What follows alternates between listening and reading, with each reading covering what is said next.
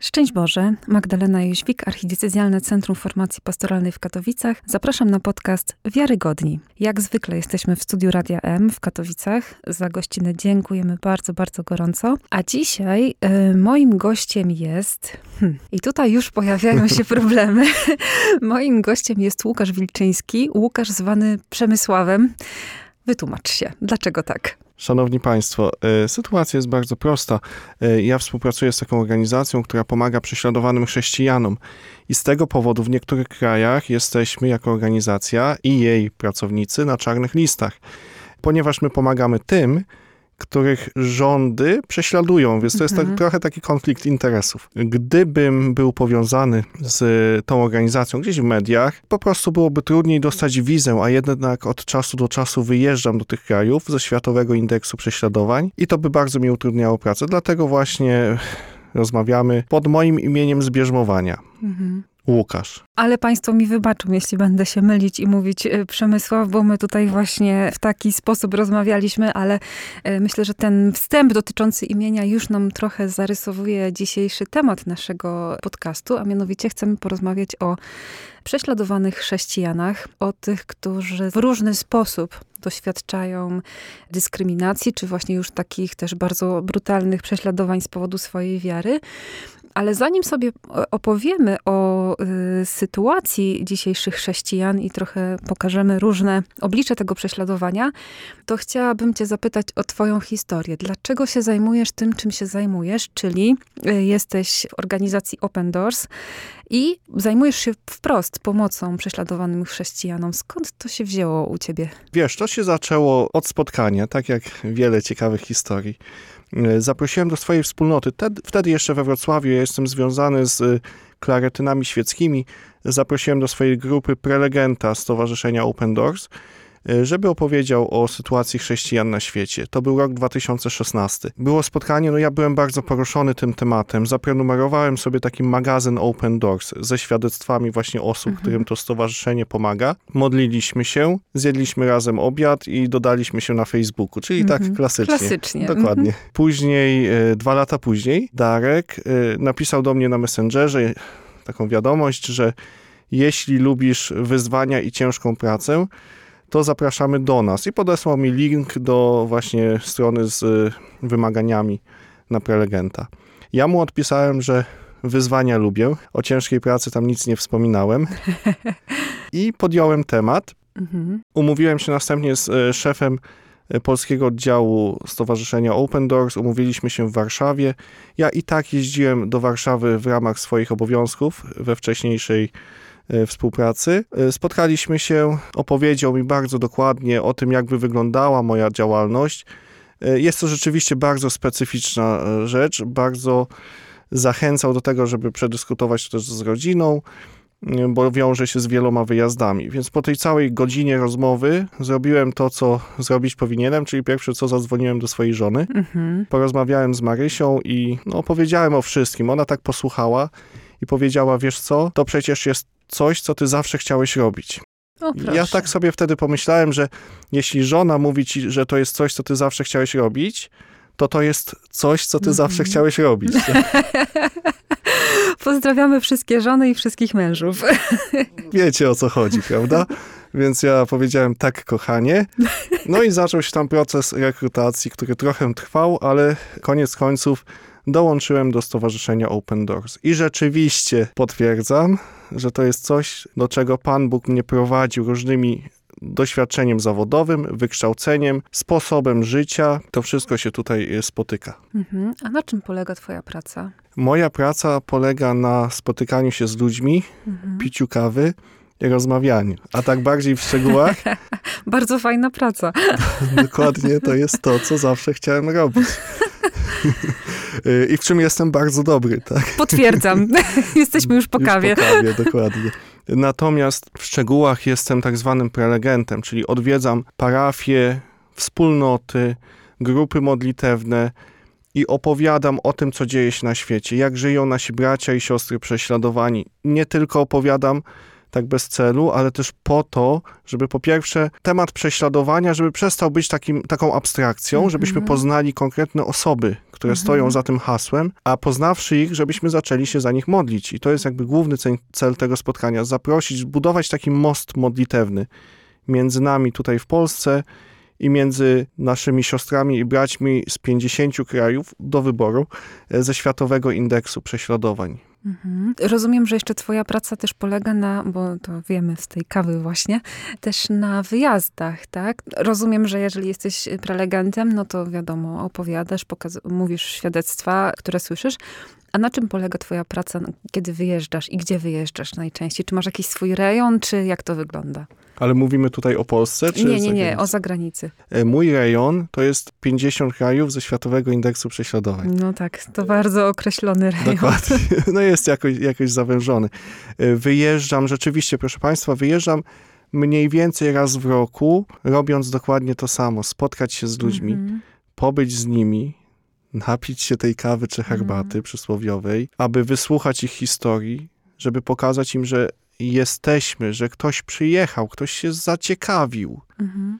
I żeby wróciwszy do Polski, opowiadać już o nich trochę inaczej niż tylko jak się opowiada po przeczytaniu jakiegoś raportu, prawda? Żeby już opowiedzieć o człowieku, którego spotkałem. Mhm. Już mieć też w głowie twarz tego człowieka, prawda? Tak, wiesz- I jego historię taką osobistą. Mhm. Dokładnie tak. Wiesz co, fajnie to podsumowała osoba z, właśnie z naszego biura w Iraku, gdzie byłem dosłownie kilka dni temu. Ona mówi, potrzebna jest y, pomoc finansowa, ale jeszcze ważniejsza, ważniejsze jest budowanie relacji. Mhm. I my tam jesteśmy z tymi ludźmi i tak samo tutaj z Polski interesujemy się ich losem, bo przez lata budujemy sobie po prostu dobre rela- relacje z chrześcijanami, z częścią ciała Chrystusa, czyli jakby jesteśmy razem, jesteśmy Mhm. jednym kościołem. No właśnie, i teraz może spróbujmy, y, zanim jeszcze opowiemy sobie o sytuacjach chrześcijan, to żebyśmy spróbowali sobie może opowiedzieć, czym różni się działalność Open Doors od na przykład innych organizacji, które pomagają na przykład no, tak charytatywnie już, tak, odpowiadając na różne problemy ludzi na całym świecie, ale też czasami też pomagają w takich kwestiach prawnych, obrony po prostu praw człowieka, tak, i walczą z dyskryminacją. Jakby jaka jest wasza specyfika i działalności, i czym się po prostu różnicie od innych? Pozwól, że odpowiem Ci na to pytanie historią. Mhm. Historią ze Sri Lanki, w której byłem pod koniec zeszłego roku. W 2019 roku, 21 kwietnia, na Sri Lance w Wielkanoc Mhm. doszło do sześciu wybuchów. Inaczej, w sześciu miejscach wybuchły bomby.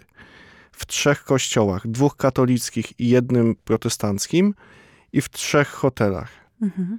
Bomby w tych hotelach, co najmniej w jednym, mam potwierdzoną informację, że tam wybuchła bomba tylko dlatego, że w sąsiednim kościele okazało się, że zabezpieczenia są zbyt duże, więc zamachowiec poszedł do hotelu. Mhm. Wszystkie były bomby skierowane oczywiście przeciwko chrześcijanom.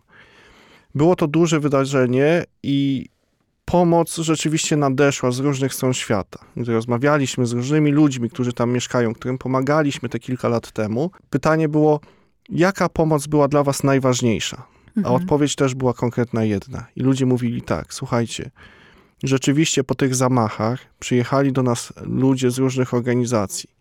Zostawili pieniądze, porobili zdjęcia i Mhm. następnego dnia wyjechali. Mhm. A wy, wy zostaliście z nami na kolejne dni, tygodnie i jesteście z nami do dzisiaj. Mhm. I w tych pierwszych dniach przychodziliście do nas do domu, siadaliście na kanapie, my otwieraliśmy albumy ze zdjęciami, pokazywaliśmy wam naszych bliskich zmarłych, czy to dzieci, czy żony, czy dziadków.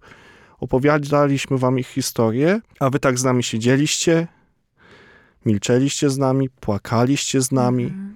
I właśnie za to jesteśmy wam wdzięczni, za tę obecność. Mhm. I myślę, że to jest coś, co wyróżnia, motywuje i opisuje naszą działalność, czyli bycie z ludźmi, bycie z Kościołem prześladowanym. Mhm. Druga cecha, jaka nas opisuje, to jest taka, że zawsze odpowiadamy na potrzeby lokalnego kościoła. Nie narzucamy, nie mamy jednego pomysłu na, na wszystkie problemy, tylko słuchamy. Tego, czego potrzebują. To też trudno mi odpowiadać na pytanie, jak pomagacie, tak, Okej, jak, tak jak tego tak chcą. Jak, tak jak potrzebuje tak jak potrzebują kościół. i tak jak Mhm. jesteśmy w stanie. Tu jakieś trzeba znaleźć możliwości. Y, Jest jeszcze jedna cecha, moim zdaniem, która nas charakteryzuje. Jest to pomoc dla wszystkich chrześcijan, którzy no, przynajmniej wyznają credo apostolskie, tak? To Mhm. mamy takie minimum. Tak, ale to jest już całkiem spora grupa Dokładnie chrześcijan. tak, dokładnie. Mhm. I rzeczywiście pomagamy różnym kościołom, denominacjom, e, wyznaniom. Dlaczego? Dlatego, że po pierwsze prześladowcy zadają pytanie, czy wierzysz w Jezusa, albo czy wierzysz, że Jezus zmartwychwstał. Mhm. Nie zadają, ok, mam jeszcze do ciebie drugie pytanie. Z którego jesteś kościoła. Tak, tak, tak. Tylko jeszcze nie dochodzi zazwyczaj do tego drugiego pytania. Mhm. Z drugiej strony, czasami chrześcijanie, którym pomagamy, to są ludzie, którzy na przykład nawrócili się w kraju, gdzie muszą żyć w ukryciu jako chrześcijanie i mają kontakt tylko z osobą, która głosiła im Chrystusa. Mhm. Więc oni nawet nie mają pojęcia o wyznaniach. Oni nie wiedzą, ilu jest chrześcijan w ich mieście. Mhm. Okej. Nie wiedzą, czy chodzą do pracy z chrześcijaninem, nawet Mhm. jeśli wszyscy by byli wierzący. Mhm. Więc to jeszcze nie ten etap, żeby się zastanawiali nad wyznaniem, do którego chcą należeć, prawda? Mhm. Są też chrześcijanie, którzy są pierwszym pokoleniem, na przykład w Butanie jest dopiero pierwsze pokolenie chrześcijan. Mhm. To tam jakby nie ma, nie ma to znaczenia. Tutaj w Europie ma znaczenie, że ja jestem od Pawła, ja od tego drugiego i tak dalej. Nie, a tutaj, tutaj to nie, nie tak bardzo. Więc to Mhm. nas wyróżnia. I to spotyka się z bardzo pozytywnym odzewem. Jest nie przeszkodą, a pomocne w budowaniu relacji. Bo tak jak mi powiedział właśnie w Iraku jeden z księży biskupów kościoła chaldejskiego, kościoła katolickiego, Mhm. on mówi, wiecie co, zawsze jak, no mniej więcej tak powiedział, mówi, jeśli przychodzą do nas ludzie z innych kościołów i oferują pomoc, to to oczywiście fajnie, jeśli przyjadą i pomogą, ale gdzieś z tyłu głowy jest takie ryzyko, że będą nam podbierać wiernych, tak? Mhm. A my nie jesteśmy kościołem, my nie, jeste, nie podbieramy wiernych. Co więcej, my przyjmujemy do naszych współpracy każdego, kto ma ochotę, kto chce pomagać prześladowanym i te nasze e, zespoły często są tak wielowyznaniowe, że nawet nie bardzo by było wiadomo, gdzie tych wiernych później dać, prawda? Więc Mhm. zupełnie nas to nie interesuje. Tu nie ma tej bariery, że ko- ktoś komuś będzie coś narzucał, podbierał. A zdarzają się w waszych zespołach osoby niewierzące, które po prostu są poruszone samym faktem dyskryminacji ze względu, ze względu na wyznawaną wiarę, czy raczej nie? Czy po prostu to jest taka bardziej solidarność różnych chrześcijan wobec różnych chrześcijan? Wiesz co, e, dobre pytanie. Pierwszy raz słyszę to pytanie, bardzo mi się podoba. O, bardzo proszę. Wiem, że to jest taka technika, żeby odpowiedzieć, o to jest bardzo dobre pytanie, nie? żeby zyskać czas na odpowiedź. E, Dużo już zyskuję tego czasu, więc odpowiem. Jako pracownicy wydaje mi się, że nie, bo Mhm. rzeczywiście w rozmowach jest bardzo ten akcent modlitwy, jakby jedną e, naszymi wartościami jest życie w modlitwie, czytanie Pisma Świętego, wyznania credo apostolskie, więc ciężko mi znaleźć takiego niewierzącego, który by spełniał te warunki Okej. chociaż może są tacy. Natomiast to nie przeszkadza, żeby ktoś był naszym partnerem, sympatykiem. Co więcej, gdy budujemy takie relacje strategiczne, gdy budujemy relacje też na poziomie, nie wiem, władz, szukamy też osób, które y, nie muszą być wierzące albo nie muszą być chrześcijanami. Dobrym przykładem jest tutaj Francja, gdzie na Mhm. poziomie takiego rzecznictwa, czyli osoby, która pracuje z ludźmi z rządu, z władzy, ma w, takim, w takiej grupie sympatyków też osoby, które są osobą niewierzącą, albo osobę, która jest muzułmaninem, co by Mhm. nam się tu wydało, że coś dziwnie tak, prawda? Tak, Bo wiele tak, krajów myślę, że islamskich przełamuje nasz schemat Tak. myślenia. a ta osoba mówi, nie, bo ja się nie zgadzam na to, żeby prawa człowieka, tych Mhm. ludzi, prawo do wyznawania własnej religii było łamane. I dlatego z nami jest w kontakcie takim bardzo ścisłym. Mhm. Więc też jest miejsce dla tych z Państwa, którzy są niewierzący, a słuchają tej audycji. Y, Nie robiliśmy jeszcze rankingu i nie sprawdzaliśmy, kto nas słucha i jakiego jest wyznania, tudzież właśnie, czy jest osobą niewierzącą. Chyba mamy jeszcze za małe zasięgi, ale myślę, że warto, żebyśmy teraz może już przeszli do konkretnej rozmowy o właśnie prześladowaniach, o chrześcijanach, którzy cierpią to prześladowanie. I dlaczego w ogóle zajmujemy się tym tematem, kiedy mamy pierwszy czwartek Wielkiego Postu? To by się tutaj narzucało, żeby powinniśmy porozmawiać o tym, jak odmawiać sobie słodyczy, komu dawać jałmużnę. A chcę dzisiaj właśnie zaprosić naszych słuchaczy do tego, żebyśmy popatrzyli na zjawisko, może to niezbyt ładnie brzmi, ale na zjawisko, które towarzyszy chrześcijanom od początku, które nigdy się nie skończyło.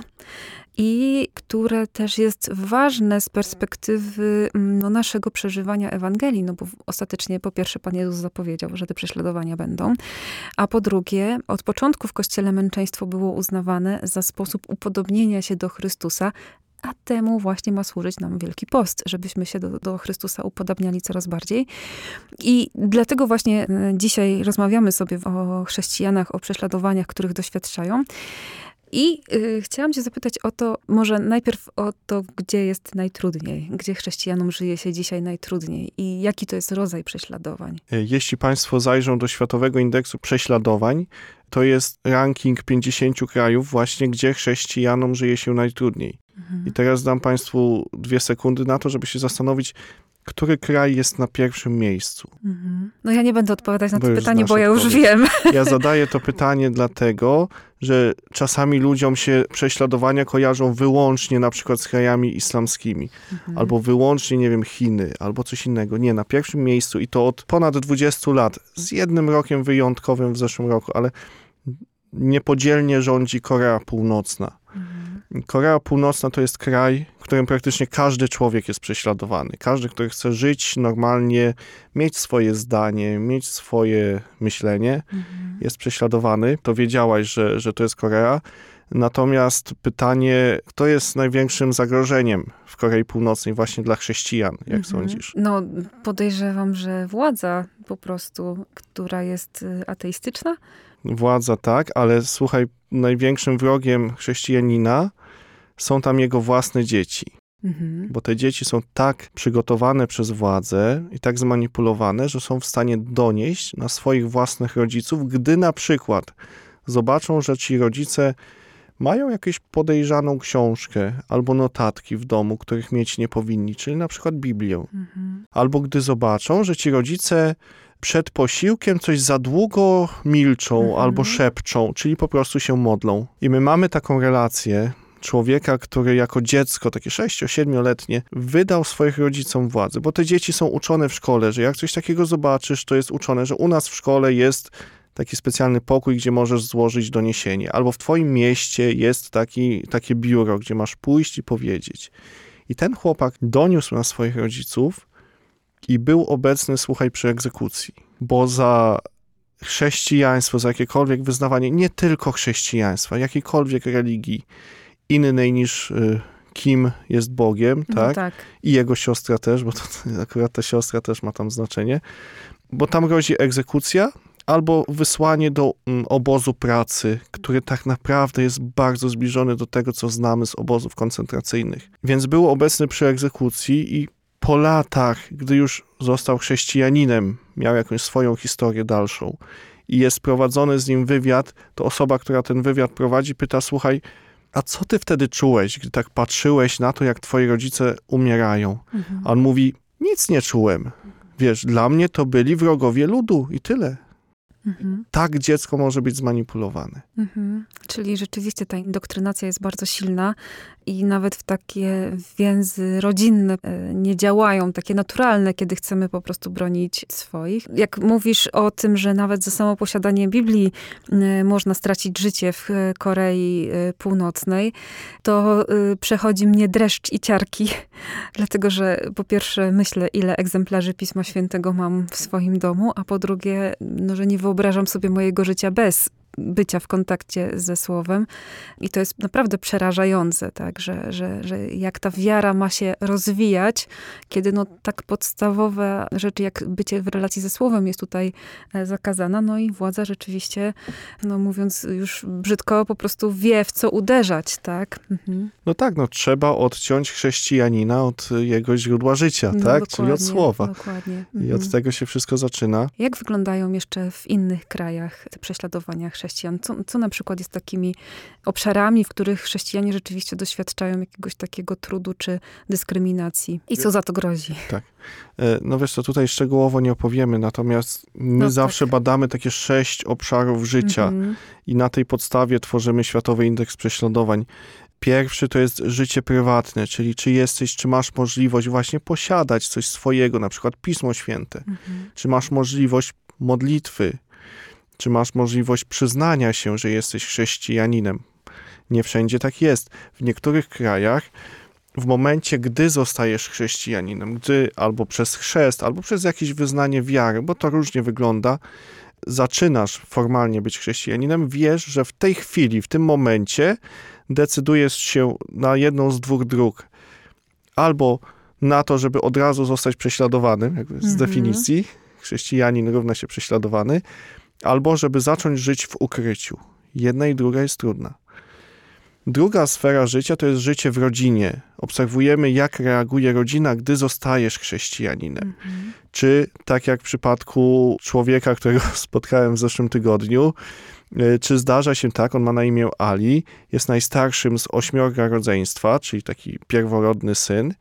Jego ojciec y, zebrał całą rodzinę synów z rodzinami, kuzynostwo z dwadzieścia kilka osób i zadał temu człowiekowi Aliemu pytania. Trzy pytania mu zadał. I mówi, słuchaj synu, nie chcę żadnych tam filozofii, odpowiedz tak albo nie i, i koniec. Jedno z tych pytań było, czy jesteś chrześcijaninem?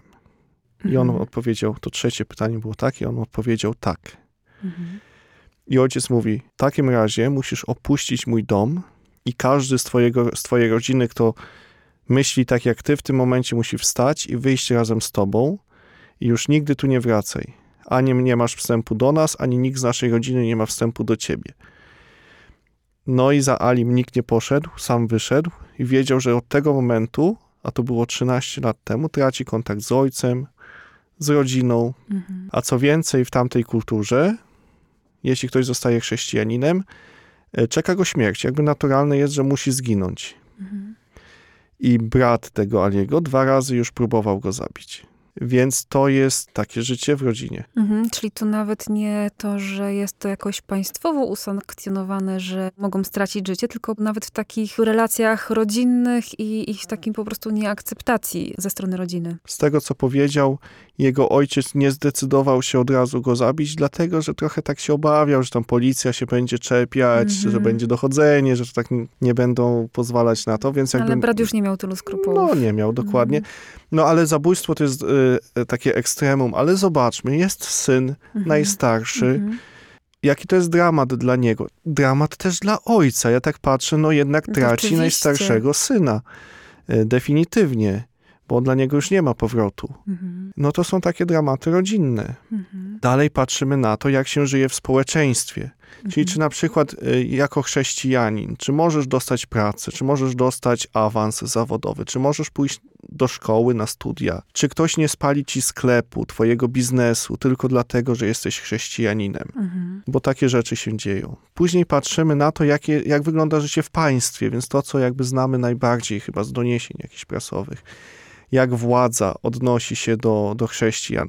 Czy na przykład w konstytucji nie jest zapisane, że jakaś inna religia jest najważniejsza, Mhm. Bo to jest bardzo Mhm. niebezpieczne, jeśli się religię wpisuje w konstytucję, bo wtedy nieformalnie już się otwiera taką furtkę, żeby okej, e, nie wiem, buddyzm jest dla nas kulturowo najważniejszy, kropka. Niby nic, ale to od razu otwiera furtkę do dyskryminacji innych religii, a potem do prześladowań. Więc temu się przyglądamy. Później patrzymy na to, jak wygląda życie kościoła w kościele. Czy Mhm. kościół może dostać pozwolenie na działalność, na budowę, czy jest swoboda.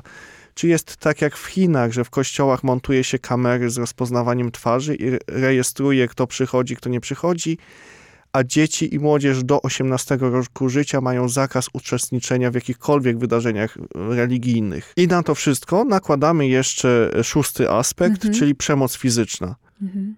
na te wszystkie obszary, czy tam występuje przemoc. Mhm. A które z tych obszarów najczęściej się pojawiają? Która jakby z tych obszarów jest no właśnie najczęstszym takim obszarem prześladowań? Jest któryś, który się tak najbardziej wybija, czy często one są ze sobą połączone i, i często y, to jest wiele, wiele tych obszarów, a nie tylko jeden? Wiesz co, raczej, raczej fakt, że są połączone, Mhm.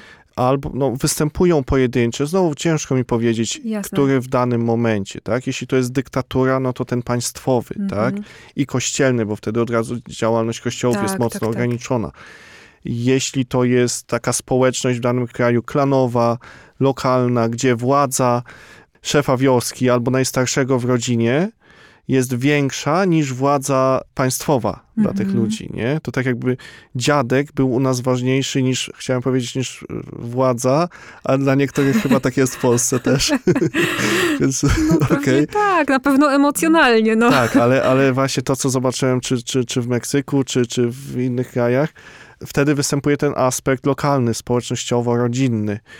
Natomiast są takie miejsca, na przykład w niektórych rejonach Indii i w niektórych krajach islamskich, ale nie tylko, gdzie, okej, cofam to, w wielu krajach, nie tylko związanych z taką czy inną religią, zdarza się tak, że jeśli okazuje się, że najpierw jest społeczeństwo, zaczyna od bycia podejrzliwym, Mhm. gdy ktoś przestaje uczestniczyć w e, świętach religijnych danej społeczności, czy to muzułmańskie, czy hinduskie, czy animistyczne, czy Mhm. jakiekolwiek inne, to już budzi podejrzenie. Gdy mamy takie podejrzenie, informujemy na przykład rodzinę tej osoby, żeby jeszcze bardziej mu się przyjrzała. Mhm.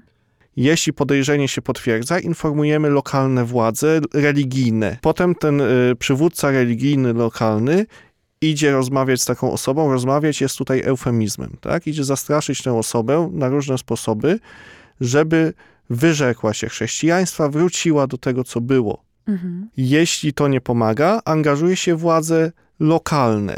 I tutaj mamy cały system prześladowań Okej. przemyślany, zaangażowanych jest w to wielu ludzi, tylko dlatego, że na przykład, uwaga, na przykład ktoś w twoim y, koszu na śmieci zobaczył, że masz y, resztki po wieprzowinie, tak? Ach, no tak. Albo jeśli opuściłeś jakieś święto religijne, w którym wszyscy muszą uczestniczyć, Mhm. prawda?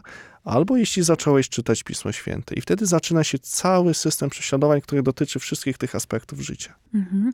Kiedy mówiłeś o tym wymiarze takim państwowym, że na przykład jedna religia jest dominująca w konstytucji, jest powiedziane, że na przykład buddyzm jest e, najważniejszy, no to to już oczywiście rodzi pewne pole do prześladowań czy dyskryminacji innych religii, to pomyślałam sobie, czy czasami też nie jest na odwrót. To znaczy, czy gdzieś przypadkiem właśnie chrześcijaństwo nie jest, albo któraś odłam, któraś denominacja nie jest jakoś e, bardziej, no można powiedzieć, faworyzowana wobec innych chrześcijan, czy wobec właśnie też innych religii? Czy jest też tak w drugą stronę? Czyli mówisz o tym, jak chrześcijanie prześladują wyznawców innych religii, czy o prześladowaniach międzywyznaniowych? Właściwie to o jednych i drugich. Jedno i drugie. Mhm. E, Niewiele wiem o sytuacji, kiedy chrześcijanie prześladują przedstawicieli innych religii, natomiast wiem w 100%, że tak się zdarza. Mhm.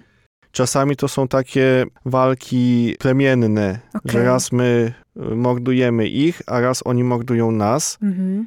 Tak trochę było w Republice Środkowej Afryki, Mhm. gdzie grupy muzułmańskie atakowały chrześcijan i pewien ksiądz dawał im schronienie w swoim kościele.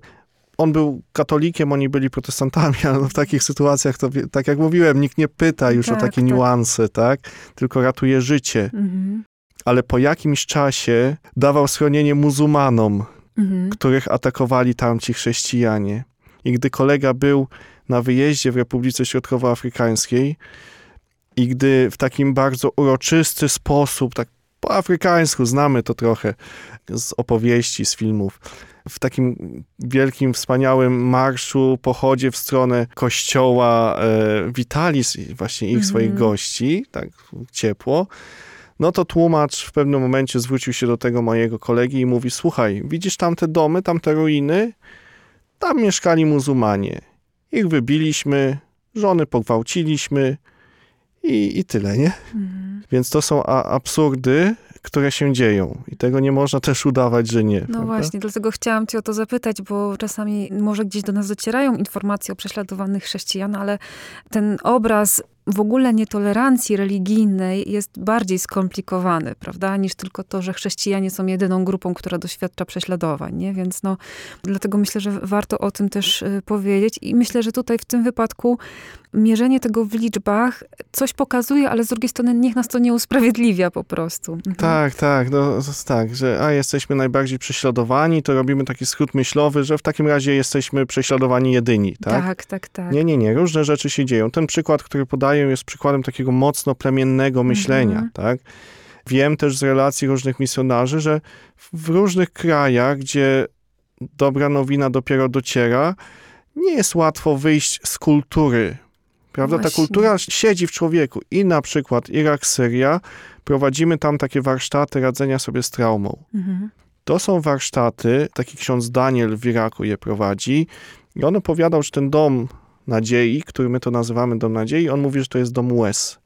Bo do niego przychodzą kobiety, które przez kilka lat były więzione przez terrorystów z państwa islamskiego. Jako takie w cudzysłowie żony. Mhm. I one wracają, bo uciekły, bo je uwolniono, bo je ktoś wyrzucił z domu, z tych porywaczy. Wracają do swoich domów Mhm. z dziećmi albo w ciąży, po strasznych przejściach. A ta, w tamtej kulturze są dwa przyjęcia takiej osoby, takiej kobiety. Albo jesteś nieczysta, to Mhm. twoja wina, wynoś się, Mhm. albo nie było cię 4 lata, jakieś dzieciaki biegają wokół ciebie, niepodobne do mnie, nie rozmawiajmy o tym. Mhm. Ani słowa, temat Mhm. tabu. Okej. I ten ksiądz jest jedynym człowiekiem, który może z nimi rozmawiać, do którego mogą przyjść, wypłakać się, powiedzieć, co je spotkało. Nawet A to przed są mężem. Tak. Czy? Mhm. Co więcej, ich mężowie są wierzący, są chrześcijanami. Okej, ale kulturowo jest to... Nie, mhm. nie, nie jest tak, że woda chrzcielna nagle zmywa z ciebie kulturę. Podejrzewam, Ale że to jest kilka bardzo pokoleń ważne, co później. powiedziałeś. Absolutnie. I to musimy przyjąć, nawet nie negocjować, nie przyjąć. Tak jest. Tak, tak. Być może dopiero któreś pokolenie to zmieni. I te kobiety są wyrzucane przez swoich mężów. Chrześcijan. Absolutnie. Mhm. Dla nas niepojęte, no trochę inna świadomość, inna może dojrzałość, a może pojęte. Właśnie zawsze to tak trochę jest, że dla nas niepojęte, bo my byśmy postąpili inaczej, ale kiedy ta historia by dotknęła nas, to już dyskusyjne, Dlatego czy byśmy wiem. się nie zachowali tak, Tak samo. Nie? całościowo, kulturowo, społecznie może nie, ale jako jednostki, Mhm. kto wie, dlatego nigdy nie wiadomo. Natomiast ten ksiądz Daniel, on pracuje też z tymi mężczyznami. Mhm. I on z nimi siada i mówi: Słuchajcie, no wiem, że w naszej kulturze nie wolno nam wyrażać emocji. Szczególnie Mhm. tak zwane chłopaki nie płaczą, tak? Nie wolno wam się rozpłakać na, na myśl o to, co spotkało wasze żony, więc to blokujecie. Ale zobaczcie, i wyciąga Biblię. Nawet Jezus płakał nad grobem swojego przyjaciela. To co, ty nie możesz zapłakać nad losem swojej żony? Mhm. No co ty, Mhm. stary, no. Mhm. I trochę próbuję w ten sposób pracować z nim. Mm, Właśnie cieszę się, że dotknęliśmy tego tematu kultury, dlatego że to jest coś, mm, co chyba trochę różni świat zachodni, powiedzielibyśmy tak, od reszty świata, że e, jednak mm, do naszej kultury przebija się ten postulat o wolności religijnej. Już tam w praktyce, czy my, go, czy my nim umiemy żyć, to już jest inna kwestia, prawda? Bo to, o czym powiedzieliśmy, że chrześcijanie też często nie, znaczy często, no też po prostu nie są bez, bez winy czasami wobec innych, innych religii, czy wobec innych chrześcijan, ale e, mam takie wrażenie, że w innych częściach świata jednak rzeczywiście ta religia jest mocno związana z kulturą i w pewnym sensie zmiana religii to jest jakby wyrzeczenie się tej tożsamości kulturowej trochę. Tak, tak, to jest tak I powiązane. chyba to jest Mhm. właśnie też ten obszar, no właśnie tej całej dyskryminacji i tego prześladowania, no bo ktoś się rzeczywiście odrywa od społeczności. Tak. E, Tak jest w wielu e, krajach ze Światowego Indeksu Prześladowań, gdzie to prześladowanie na poziomie lokalnym jest mocne, czyli gdzie taka klanowość, plemienność występuje, tak jak wspomniałem. Wtedy jakiekolwiek inne zachowanie już staje się podejrzane, bo jesteś inny, bo robisz coś inaczej niż, niż przodkowie. To tak jak w Meksyku, o tam to też Meksyk, Opowiadaj, opowiadaj. w Meksyku rozmawiałem z człowiekiem, który mówi, ja go pytam, no to co jest nie tak? On mówi, bo wiesz, przychodzę do moich rodziców, chcę ich o coś zapytać związanego z wiarą, Mhm. a ich odpowiedź jest taka, tak robimy, bo tak robimy i zawsze tak robiliśmy i będziemy i się nie interesuj, a w ogóle to, to przestań tak myśleć. I to jest odpowiedź. Kogo? Rodziców, ale którzy są... Słuchaj, no Meksyk y, zasługuje na hasło ale Meksyk, bo to była moja pierwsza podróż taka zagraniczna właśnie z Open Doors i, Mhm. i, i to był szok, ponieważ tam dochodzi do tak zwanych prześladowań międzywyznaniowych, dla mnie bardzo trudnych, ale takich, które bardzo chciałem poznać. Mhm. Opiekujemy się tam wieloma rodzinami, już chyba ponad, grubo ponad setką, które zostały siłą i po ciężkich sytuacjach wyrzucone ze swoich domów i ze swoich pueblo, czyli takich Mhm. miast i całych rejonów tych miast. Po prostu w nocy zapakowane rodziny na pick-upa Mhm. z dziećmi w piżamach, bez bagaży i wywiezione na granicę tego Puebla, wynocha i nie wracajcie nigdy, bo was zabijemy. A dzień później miasteczko świętuje, pisze w lokalnej gazecie, że pozbyliśmy się tych e, wichrzycieli protestantów. Kto się pozbył? Los Katolikos, czyli Mhm. katolicy, którzy mieszkają w tym miasteczku. No tak, tak, tak. Więc widziałem wjeżdżając do niektórych miasteczek takie duże billboardy, gdzie było napisane, że wszystkim y, innym niż wyznaniom niż katolickie wstęp wzbroniony pod karą więzienia albo wysokiej grzywny. Takie billboardy przed wjazdami do miast, przed wjazdem do miast widziałem. To chyba mocno pokazuje, że jeśli Ewangelię traktujemy jako część kultury, to w pewnym sensie wchodzimy w tą rolę, która, czy w ten sposób myślenia, który jest wreszcie świata, że Ewangelia jest, że Ewangelia, że chrześcijaństwo jest elementem kultury, a nie żywą wiarą w Jezusa Chrystusa, nie żywą wiarą w Ewangelię. Ewangelię, która przemienia nasze myślenie i która sprawia, że ten drugi, niezależnie od tego, kim jest i jaką religię, czy jako, jaki, jakiego odłamu chrześcijaństwa, po prostu jest naszym bratem, tak? I to jest chyba rzecz, która e, gdzieś nam umyka, bo, bo właśnie, bo myślimy, że to my prześladowani jesteśmy chrześcijanie, a ten przykład, który podajesz, jest szokujący, myślę, dla wielu z nas, ale chyba nie możemy go pominąć w żaden sposób. Tutaj warto dodać, że nie mówię o całym Meksyku. Matka Boska z Guadalupe, Jan Paweł II, to jak Jasne. najbardziej, tak, ale około 3% populacji, która jest pochodzenia indiańskiego, są Indianami, żyją wysoko w górach na południu Meksyku, w tych Mhm. stania, stanach południowych, trochę odcięta od świata. Wiesz, kiedy tam się zaczyna prześladowanie? Gdy człowiek zaczyna czytać Pismo Święte, otwiera Biblię. Mhm. I gdy zaczyna jakby swoje życie w świetle Ewangelii też y, starać zmieniać, czy Ewangelia zmienia jego życie, No, no, to właśnie, no to tak, to tak, tak y, właśnie to jest. wprost powiedzieć, dokładnie. Mhm. I wtedy zaczynają się prześladowania. Wtedy już jest coś nie tak. Dlaczego? Bo przestajesz żyć według takiej księgi, która nazywa się Tradycje i Zwyczaje. Jest taka księga ze spisanymi tradycjami i zwyczajami w tamtym rejonie, a zaczynasz żyć według Ewangelii. Mhm. I to oznacza, że nawet jako katolik, spośród swoich ludzi, ze swojej parafii, zaczynasz być najpierw dyskryminowany, ostrzegany, a w końcu prześladowany, czyli trafiasz do więzienia, jesteś pobity, stosuje się wobec ciebie szantaż, Mhm. tortury, Mhm. po to, abyś podpisał dokument, że wracasz do wspólnoty katolickiej. 3% populacji, ale to się dzieje, prawda? No tak. No I to boli. Natomiast, y, no, chciałem tam pojechać, żeby zrozumieć. Mhm. No tak, rzeczywiście, kiedy spotkamy się z takim e, żywym człowiekiem, który tego doświadcza i e, z tą sytuacją tak bezpośrednio, to zmienia to nasza, naszą perspektywę. A chciałabym jeszcze, żebyś e, powiedział, bo mm, mam nadzieję, że udało nam się dzisiaj i udaje nam się w tej rozmowie trochę uwrażliwić na temat właśnie tych prześladowań, dyskryminacji, czy takiego po prostu odbierania drugiemu człowiekowi prawa do tego, żeby wyznawał swoją religię. Z drugiej strony wiemy, że to nie jest takie proste, dlatego że e, moja wolność i wolność drugiego człowieka wymagają też od obu stron e, jakiegoś no, konsensusu, jakiegoś po prostu ustalenia, żebyśmy mogli obie strony praktykować swoją wiarę.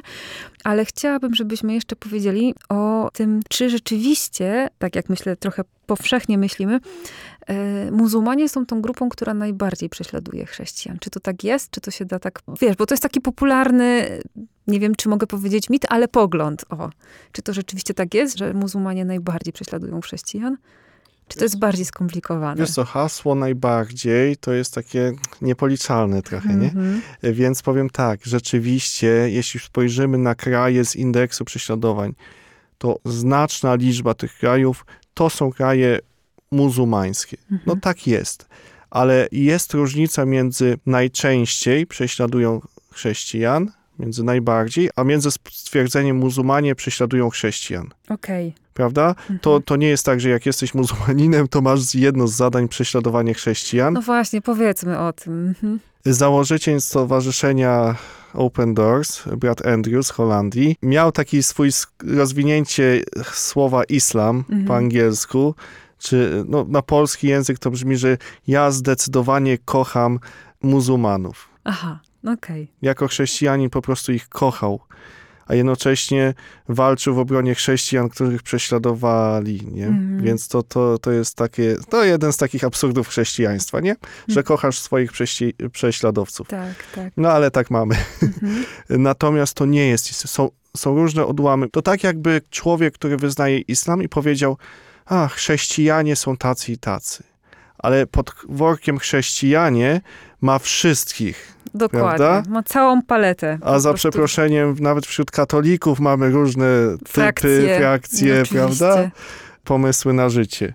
Więc gdy mówimy muzułmanie prześladują chrześcijan, okej, powiedzmy muzułmanie o takich i takich poglądach albo takiej i takiej frakcji rzeczywiście prawie że z definicji prześladują chrześcijan. Jeśli mówimy o Boko Haram w Nigerii, Mhm.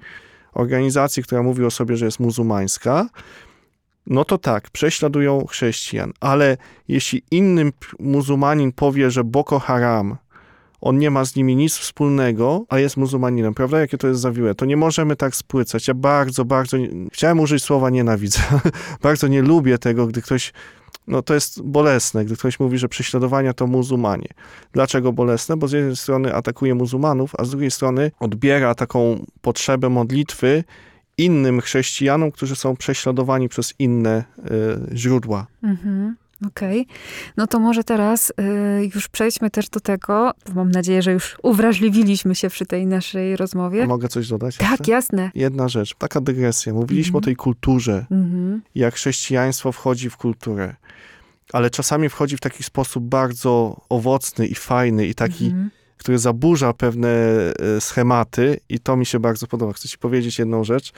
E, W Iraku rozmawiałem z naszymi ludźmi, którzy pracują z kobietami. Mhm. kobieta, która tam jest samotna albo straciła męża w wojnie, e, no, ma bardzo mocno ograniczone możliwości. Gdy dajemy tej kobiecie możliwość nauki czytania, pisania, wykształcenia i znalezienia pracy, czyli cały ten proces. Kobieta, która do tej pory myślała, Mhm. że jedynym jej zadaniem w życiu jest e, sprzątanie domu i gotowanie obiadów, Mhm.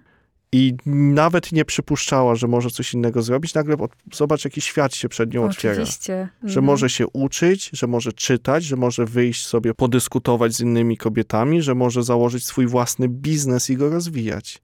Jak to Super. zmienia kulturę, jak to robi takie, przewraca ten stolik, tak, gdzie wszystko było poukładane. I to jest fajne też e, w chrześcijaństwie, że czasami robimy tak, taką wywrotową rzecz, gdzie ludzie nagle widzą, wow, ja mogę więcej, ja jestem stworzony do czegoś innego. To taka dygresja, ale Mhm. chciałem ją dopowiedzieć. Myślę, że bardzo y, ważna, ym, bo dla nas te rzeczy, o których mówisz, y, w Polsce, w Europie są oczywiste, że kobieta może, ale chyba zapominamy o tym, że w niektórych częściach świata właśnie nie może i tych części świata wcale nie jest tak mało. Jest ich dużo, bo słuchaj, no jak robiliśmy takie warsztaty o rodzinie i o Mhm. małżeństwie w Indiach, to w tych świadectwach po takim spotkaniu, które zawsze zbieramy, jeden mężczyzna tak pisze, wow, to ja nareszcie wiem, że moja żona, to, to, to mo możemy coś więcej, tak? Że, Mhm. że to nie tylko się ogranicza do, i on tak o swojej żonie, nie? A Mhm. dla niego to było odkrycie, że to nie tylko tak, że ona ma sprzątać i, i gotować, prawda? I dla Mhm. niego to było bardzo pozytywne, że coś takiego odkrył.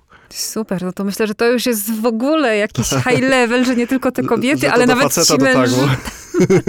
No nie chciałam tego tak wprost powiedzieć, ale, ale myślę, że no to jest jakiś Tak, taki dowód tak. na, nawrócenia też, nie? Tak, tak, tak. Ale wiesz, chciałabym, żebyś Mhm. powiedział jeszcze z, przynajmniej z dwa słowa o tym, y, jak możemy pomóc i, i jak możemy się włączyć właśnie w tą no, pomoc właśnie prześladowanym chrześcijanom. I mm, bardzo mi się podoba to, o czym powiedziałeś już, że y, to jest ta świadomość nasza, że cierpi część ciała. Tak, dlatego kiedy, no tak Pawłowo już idąc za świętym Pawłem, gdy cierpi jeden członek, współcierpią wszystkie członki, więc y, tak naprawdę to przejmowanie się prześladowanymi chrześcijanami, których mam nadzieję, że powiesz, ile jest dzisiaj, e, jest no, całkiem, e, całkiem sporo i że to nie jest rzecz, która e, może nas nie interesować, bo to jest jedno ciało, po prostu, cierpią nasi bracia. Tak. Co możemy zrobić? Wiesz co, my szacujemy, że nas, nas, czyli nas cierpiących Mhm. prześladowania, e, jest e, obecnie ponad 360 milionów Mhm. osób, które żyją w tych krajach z 50 z indeksu prześladowań. No to tak mniej więcej jedna czwarta krajów świata, nie? Prawda? Mhm. Dokładnie. Po drugie, tak jak powiedziałem na początku, że każde e, najciekawsze czy naj, najważniejsze historie zaczynają się od spotkania. Mhm. I to jest to, do, do czego zachęcam po wysłuchaniu naszej audycji tutaj. Gdy ktoś y, chce się spotkać z prześladowanymi chrześcijanami, szukajcie naszych materiałów, świadectw, historii, y, czy to na YouTubie, czy na mediach społecznościowych, czy, czy gdziekolwiek, ale lepiej zaproście mnie do wspólnoty, czy kogoś z naszych prelegentów, jeśli wolicie kogoś innego. Mhm. Nie ma problemu. Opowiemy, pozwolimy wam się tak skonfrontować z tymi ludźmi, poznać z nimi w takiej formie. Jak kogoś poznamy, to łatwiej nam się za niego modli. Mhm. Bo jak kogoś nie znam, to tak albo zapomnę, albo powiem, no tak, słucham audycji, to się pomodlę za nich, ale chwilę później potem dzieci życie. przyjdą, Tak, praca tak. przyjdzie i po wieczorem już nie pamiętam, nie? Mhm. I trafia to wszystko do takiej szufladki w głowie we wszystkich niewypowiedzianych intencjach. Mhm. Ale gdy kogoś poznam, spotkam, to ta modlitwa już, już jest inna. Mhm. A gdy się modlę, y, no to też w pewien sposób zmieniam tę rzeczywistość i, i idę dalej. Chcę ich poznawać, chcę coś dla nich zrobić. Mhm. No i możemy też pomyśleć, co można zrobić dalej dla, Mhm. dla prześladowanych. A co do bycia jednym ciałem, myślę, że warto też sobie uświadomić to na początku właśnie Wielkiego Postu. To uświadomił mi y, biskup Filip kościoła hal- chaldejskiego, kościoła katolickiego właśnie w Iraku. Y, Felix, przepraszam, biskup Felix Mhm. bardzo sympatyczny. Ale zapytany o to, co przekazać chrześcijanom w Europie, on mówi tak. My tutaj w Iraku, jako Kościół, cierpimy prześladowania od pierwszego wieku, od dziejów apostolskich Mhm. do dzisiaj. I to nam pozwala wpatrywać się w nagrodę, którą jest zbawienie, którą jest Jezus Chrystus. I przez to, dzięki tym prześladowaniom, nie myślimy o takich pobocznych aspektach Mhm. skupiamy się na celu. I on mówił więcej, to wywróciło moje myślenie, słuchajcie. On mówi tak, jeśli chrześcijanin nie cierpi prześladowania, to znaczy, że coś jest nie tak z jego wiarą. Mocne. Czy to oznacza, że teraz muszę się wystawiać, nie wiem, na, na prześladowania? Chyba nie, Mhm. ale z drugiej strony niech to będzie zachęta, żeby być częścią tego kościoła, w którym są też prześladowania. To jest... Żeby być wyraźnym, żeby być wyraźnym znakiem. tak. Mhm. I jakby gdy, gdy są prześladowania, no to być może to jest znak, że wszystko jest w porządku z moją wiarą. Nie mówię, że jest, bo to różnie tam ludzie mają odchyły.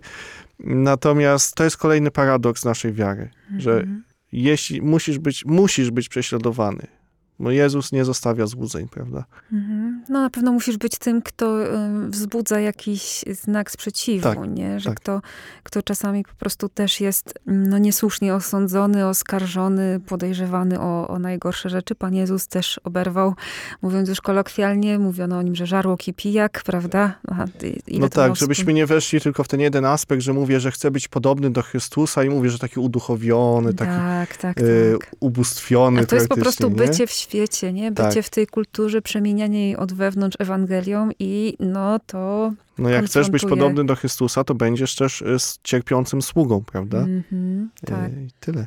Powiedz na koniec, jeśli mogę cię zapytać, czy pamiętasz jakąś taką historię właśnie osoby prześladowanej, chrześcijanina prześladowanego, która najbardziej ci utkwiła w pamięci? No, kilkadziesiąt. Jedną możesz Ale wyciągnąć? Co? Tak, tak, tak, tak. E, Myślę, że to jest chłopak, którego poznałem w Meksyku, bo to jedno z Mhm. moich pierwszych spotkań, który po naszym przyjeździe zaczął od tego, że z kolegą moim, który, e, który jest protestantem, podszedł do niego i tak go zapytał: Słuchaj, jak to jest w Polsce? Czy wy uważacie, że katolicy to chrześcijanie? Ojej! A No. Maciek mówi: No tak. Mhm. On mówi, dobra, to jeszcze jedno pytanie. Czy katolicy w Polsce czytają Pismo Święte? A on mówi, no tak, jest wielu, nie wszyscy, ale jest wielu, którzy czytają Pismo Święte, Mhm. nawet znam takich. No to dobrze, to dalej. Czy katolicy w Polsce was prześladują? Mhm. Takie szczere pytanie. Nie? On Mhm. mówi, nie no, różnie bywa, ale, ale nas nie prześladują. No, ja mam swój kościół tutaj, katolicy mają ulicę obok, nikt Mhm. nikogo nie prześladuje. I dopiero później, poznawszy jego historię, Mhm. jak e, właśnie tylko dlatego, że czytał Pismo Święte, że słuchaj, przestał być pijakiem, przestał się e, bić na mieście i zaczepiać ludzi. O matko. Ale pogorszyło mu się, bo zaczął Pismo Święte czytać i się modlić, tak? Mhm. I spotykać z innymi chrześcijanami. No, co Mhm. zrobić? Trafił do więzienia, był bity, był poniżany. W tym czasie jego żona przez miesiąc z dziećmi były, byli w takim areszcie domowym, że odcięto im wodę, prąd, internet, żeby się komunikować z innymi, że racje żywnościowe im ograniczano, że on trafił do szpitala później, Mhm. pobity ciężko, bardzo ciężko, że w środku nocy ich wywieźli z Puebla, bo to był taki kompromis, że nie zabijemy was, ale was wyrzucimy. Mhm. I, I dopiero potem, po, po spod, odbyciu kilku rozmów, po spotkaniu, a wiesz, on nam to wszystko odpowiadał, a potem ja mu mówię, słuchaj, ja też jestem katolikiem. Wow. No, ale żeśmy rozmawiali tak przez kilka dni do głębi, do głębi, dochodzili do tego, co jest nie tak. Nie? Mhm. I na koniec tych spotkań, gdy zapytałem, za co możemy się modlić Mhm. w Polsce, co ja mam im powiedzieć w Polsce, Mhm. A on tak się zastanowił i mówi: Słuchaj, poproś katolików w Polsce, aby modlili się za nas, abyśmy my mogli modlić się za katolików w Meksyku. Ojej, oj. Słuchaj, jak to mi No. tak, tak. Czuję ciężar gatunkowy. I do dzisiaj to spotkanie jest jednym z takich moich Mhm. najważniejszych. Mhm.